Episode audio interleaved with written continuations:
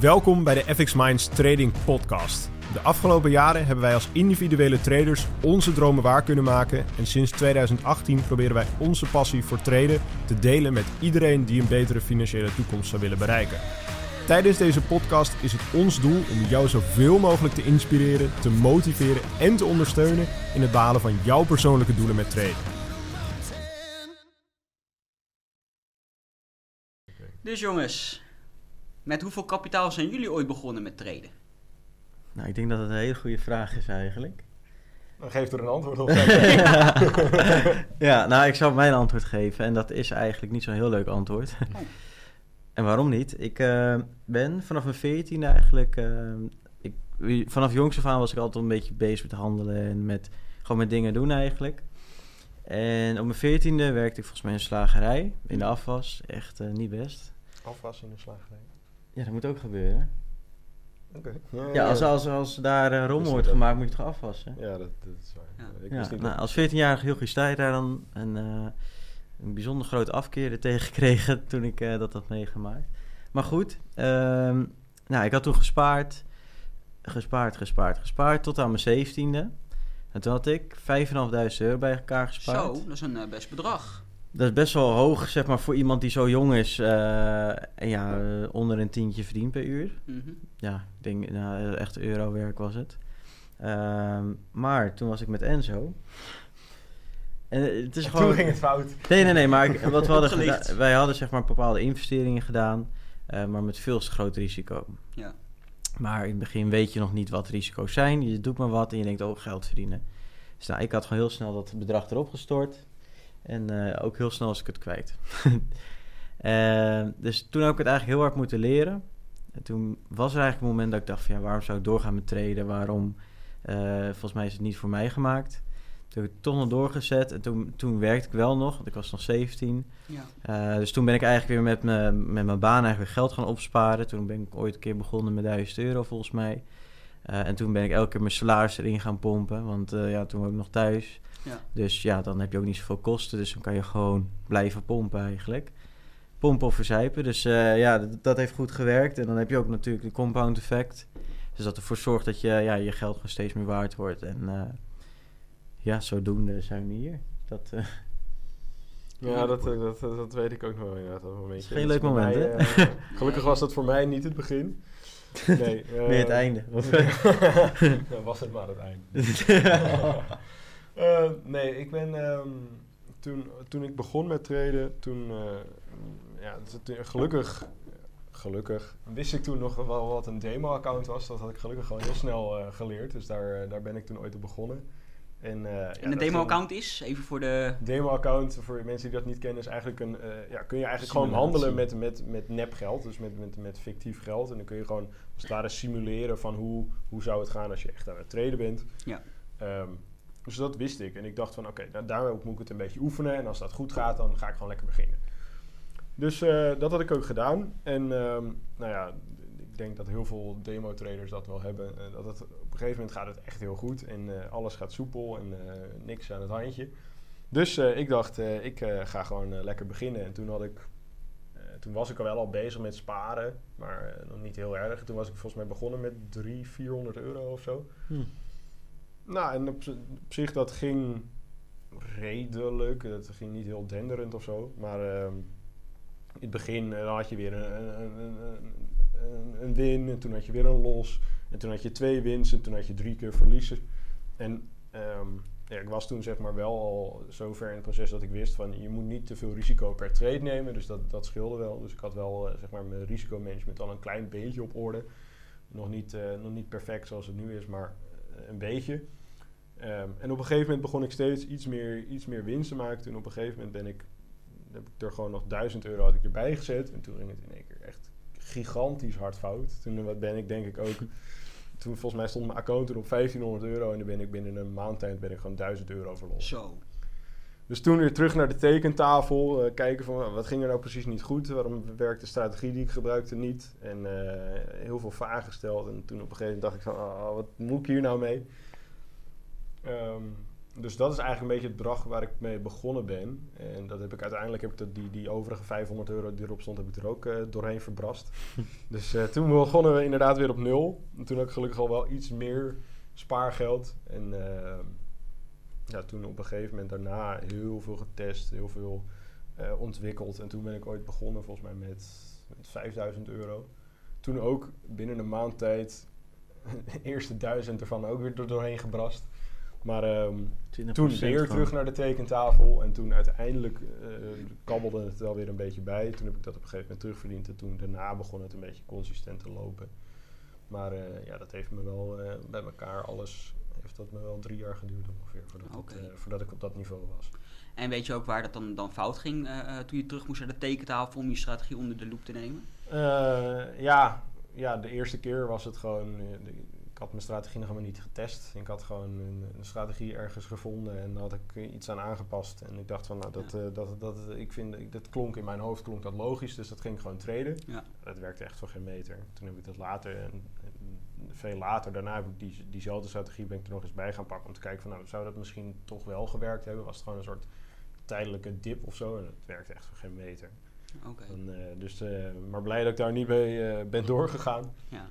Ehm, dus ja, daar, daar lag het vooral aan. En, en ja, op een gegeven moment was het, nam de emotie nam ook gewoon de overhand, zeg maar. Want die, op een gegeven moment heb je twee, drie, vier verliezen achter elkaar. En denk je, van, kut, kut, kut, ik, moet dat, ik wil dat terugverdienen. Ik was altijd Ja. zo van, als ik iets verlies, dan moet het zo snel mogelijk terug. Dan moet het echt gewoon... Beetje FOMO, hè? Ja, ook weer FOMO, FOMO. Net ja. als eh, in, eh, in eh, een van de eerdere podcasten.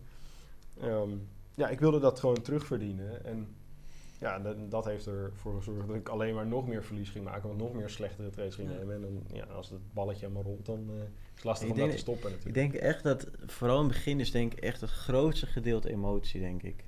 Ja, Dat denk ik wel. Kijk, eh, natuurlijk, je moet je strategie eh, onder controle hebben. Maar ook al heb je je strategie onder controle en je gaat verliezen maken. Want je hebt vaak een bepaalde ratio van ook al maak je meer verliezen dan winsten. Uiteindelijk komt het wel weer goed. Ja. Vaak wel. Eh, maar dat de emotie is gewoon een hele grote factor als het ware. Want omdat je dan... Je moet, het, je moet je kopje gewoon in controle houden. Want als je dat niet hebt, dan ja, heb je gewoon een disconnect aan ja je in- strategie. kijk, als je begint heb je ook nog... Ja, je hebt gewoon nul ervaring nog met wat er allemaal wel en niet kan gebeuren. En ja. alles wat in jou, eh, door jouw emoties als negatief wordt ervaren, dat, dat is nieuw voor je. En dan eh, ga je daar, ja, een kat in het nauw en maakt rare sprongen. Zeggen ze wel eens. Ja. Ik eh, probeer er even wat Waar wat is dat boekje? te- Heb je dat stiekem onder de tafel? dat zijn mooie spreekwoorden. Niet zeggen, niet Ja. zeggen. Niet. Nee, dus, ehm, ja, dus zo eigenlijk een beetje. En jij, eh, Niels? Met hoeveel ben jij begonnen ooit? Ik eh, ben eh, zelf ooit begonnen met 1000 euro. Kijk eens. Dat was dat, dat eh, moest ik ook eh, destijds hard voor sparen. Hè, want 1000 euro eh, ja, was eh, op je 17 inderdaad, 17,5 is niet heel veel geld. Eh, of juist heel veel geld. juist heel veel geld, dus daar moet je hard voor werken en, eh, om dat aan de kant te zetten. Ehm, en ja, ik heb mezelf ook ingelezen en natuurlijk ook een beetje mijn, mijn doelen erbij gepakt van wat wil ik nou uiteindelijk be- eh, eh, bereiken en in welk tijdsbestek zou ik dat het liefst willen bereiken natuurlijk. Dus dan heb je weer even terug naar die doelstelling. Uh, Ja. En zo ben ik voor mezelf begonnen met 1000 euro. Ehm, nou, daar heb ik, heb ik heel lang een leuke tijd mee kunnen traden. Zat op een gegeven moment ook 20% in de plus, 25% in de plus. Eh, maar dan komt inderdaad ook gewoon weer hetzelfde als eh ja, Enzo net zo ook al zei. Van, nou, dan heb je dus een win, een verlies, een verlies. Ben je nog net eh, bezig met traden, weet je ook nog niet helemaal precies hoe risicomanagement werkt. hoe je risk-to-reward ratio moet berekenen. En dus ook het meest bruikbare risk-to-reward ratio voor jezelf bepalen. En als je dat allemaal niet weet en je gaat gewoon traden, op een gegeven moment krijg je eh, revenge trades. Dus dan heb je zoveel verliezen gemaakt dat je denkt van hé, hey, ik wil zo snel mogelijk al mijn verliezen weer terugverdienen. Ja, knal je lot, eh, lot erop. Waardoor je dus niet meer bijvoorbeeld 1% van je account per trade eh, eh, riskeert, maar gewoon 5 of zelfs meer. Eh, en dan kan het Ja. heel snel gaan. Dus op een gegeven moment had, was ik inderdaad ook eh, van mijn 1000 euro eh, meer dan 300 euro kwijtgeraakt. Ook echt in een periode van twee weken.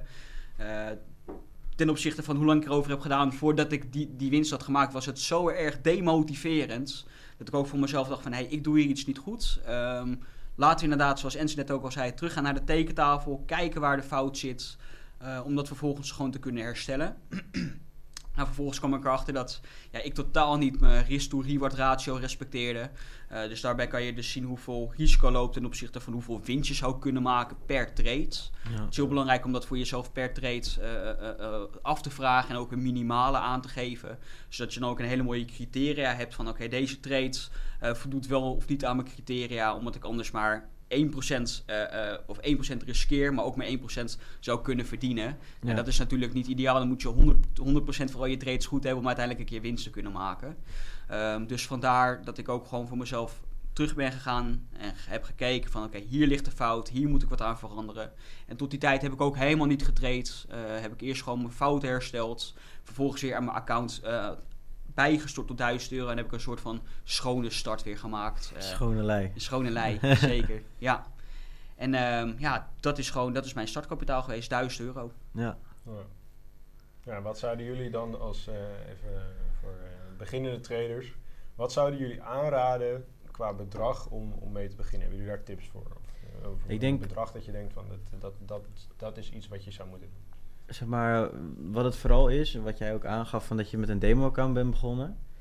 Ik denk dat elke trader dat gewoon minimaal moet doen. Dus dat je echt met een demo-account begint. Als je strategie daarop succesvol is, ja, dan zou ik wel minimaal beginnen tussen 500 en 1000 euro, denk ik. Oké. Is dat iets wat jij ook in gedachten had? Nee, nee, nee. Ik, ik, ben benieuwd naar wat jullie denken. Ja, ik zou zeggen minimaal 100 euro. Hè. Dat is echt gewoon een minimale. Volgens mij kun je ja, zijn ook. gebeurt er niks. Ik wou net zeggen, volgens mij is dat bij de meeste brokers ook bijna wel het minimale. Je hebt ook wat brokers waar je volgens mij iets minder op zou kunnen storten. Ja. Um, ik zou gewoon lekker beginnen, helemaal om gewoon het puur het gevoel te krijgen. En voor jezelf eventjes na te gaan van hé, hey, ik kom nu vanaf een demo-account en ik speel met echt geld.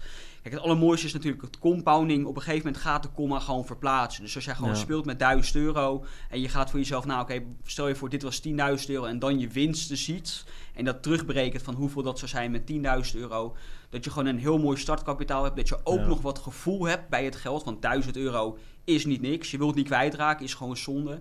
Um, en daardoor ga je ook gewoon heel erg serieus om en wil je op een gegeven moment ook echt leren van je fouten. Ja. Want kijk, eigenlijk is trading uh, precies het tegenovergestelde van, van, van school.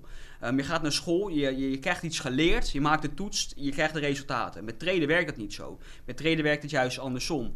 Um, je, je, gaat iets, je, je, maakt een soort van, je neemt een trade, je weet niet of het van tevoren goed of fout was, maar achteraf moet je er wat van leren. Ja. Snap je? Het is precies andersom dan met school. Je moet, achteraf moet je wat van je trades leren. Dat is wel mooi, inderdaad. Interessant om over na te Ja, misschien ook een keer een leuk om uh, een, een, verdere podcast een keertje misschien uh, te behandelen. Ik denk het wel. Maar ik denk, je moet gewoon sowieso een gevoel hebben bij het bedrag, want anders ga je het niet serieus nemen. Dat is gewoon, denk ik, de belangrijkste tip van Flip deze keer. ja. top, top, top. Tip van Flip. Tip van Flip. Ja, nee, dat vind ik inderdaad ook wel een goeie. Want ja, dat zie je tenminste, ik, ik zie dat heel veel inderdaad bij beginnende traders, dat ze inderdaad echt met, met 100, 200 euro beginnen en dan denken van, nou, uh, als ik dat kwijtraak, boeit het toch niet, dus ik ga er gewoon uh, YOLO, uh, ja. compleet zonder, zonder gedachten ga ik er gewoon op af. En, ja. ja. en vaak zijn ze het dan ook binnen een week of binnen een maand zijn ze het kwijt. Ja. Dus ja, ik, inderdaad, ik, ik zou eigenlijk, hiervoor zou ik zeggen van nou, tussen de 100 en de 1000 euro. maar ik zou inderdaad wel zeggen, nu zou nu zou ik wel zeggen tussen de 500 en de 1000 euro. Om daar gewoon lekker mee te beginnen. Uh, maar wat ik denk ik ook nog wel een belangrijke toevoeging daaraan vind, is gewoon: het moet een bedrag zijn wat je zou moeten kunnen verliezen. Wat je zeg maar dan financieel nog kan handelen. Zeg maar. ja. Het moet, het ja, moet geen geld uh, zijn wat je echt nodig hebt om iets te, te kunnen, kunnen betalen. Om van ik denk leven. ook, zeg maar. Sorry, ik ga door je heen. nee, nee, nee, ja. Um, dus wat ik zei, ja, je moet er, je, het moet geen geld zijn waar je moet, van moet kunnen leven of wat je nodig hebt. Of, uh, kijk, naast zeg maar dat geld moet je eigenlijk, vind ik eigenlijk dat je ook een soort financiële buffer aan jezelf moet hebben. Uh, voor het geval dat er iets, iets misgaat, voordat je op een gegeven moment voor onverwachte kosten komt te staan of iets dergelijks. Ik denk dat dat ook een heel belangrijk is. Ja. En dat je daarna pas moet gaan kijken van hé, hey, met hoeveel geld ga ik beginnen. Uh, dat soort dergelijke. Ja, zie je eerst je geld maar te behouden en zie dan winst te maken. Dat is ook een hele mooie. Dat ja. is ook zeker een, een goede. Dat Heb jij niet zo'n boekje, Niels? Uh, een beetje spreken. Misschien, misschien moeten we een keer maken. Ja. hij heeft hem hier zitten. Hè, ja. ja. wat ik ook heel erg heb gemerkt is dat van... Kijk, je kunt met een klein bedrag beginnen. En dat ga je compounden en daar ga je steeds meer in stoppen. Maar je hebt natuurlijk ook de mogelijkheid om bijvoorbeeld voor een fonds te gaan treden. Of uh, extern kapitaal verstrekken. Dus Als jij voor jezelf kunt bewijzen dat je met 1000 euro... Ik zeg niet dat je daar 10.000 euro van moet maken, maar al kan je het verdubbelen naar 2000 euro. Als je dat trucje kan uithalen met 1000 euro naar 2000, kun je het waarschijnlijk ook met eh 10.000 naar 20.000. Ja, precies. Het En- is een procenten game. Ja, het is, maar kijk, het is inderdaad een procentengame. Want als jij, ehm, als het ware, dat trucje elke keer kan herhalen... dan zegt bijvoorbeeld iemand met heel- misschien wel veel diepere zakken dan, dan, eh, dan wij bij elkaar. Je zegt van luister, ik heb nog een miljoen liggen. Als jij dat trucje ermee kan, eh, nou weet je wat, dan splitsen we het op. Dan zeggen we, nou, ik eh, hou 30% van de winst en jij krijgt 70%. Of wat voor verdeling je dan ook hebt, want het bestaat, hè. Ja, Als, als jij dat trucje mee kan uitvoeren, waarom niet? precies. precies. En zo kun je dus eigenlijk je hele leven eigenlijk gewoon leveragen met dat soort dingen. Nee, precies. precies. En dat, eh, ja, dat is inderdaad, in het begin is het gewoon belangrijk, zoals Niels net zei, van, zorg eerst dat je, dat, je, dat je consistent kan blijven, dat je stabiel eh, kan, kan, kan blijven zeg maar, met het traden. Ga daarna pas focussen op het maken van winst.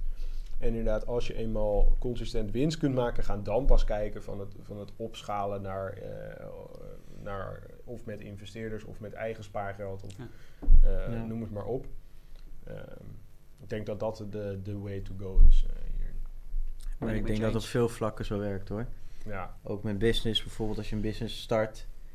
Je moet ook eerst een fundering hebben. Je moet ook eerst gewoon een, een pand hebben waar je je dingen in kan doen of online. Ja, en een website net als een hebben. huis, inderdaad. Je hebt eerst een fundering nodig voordat je kan bouwen. Ja. Nou, zo werkt het ook met traden. Precies.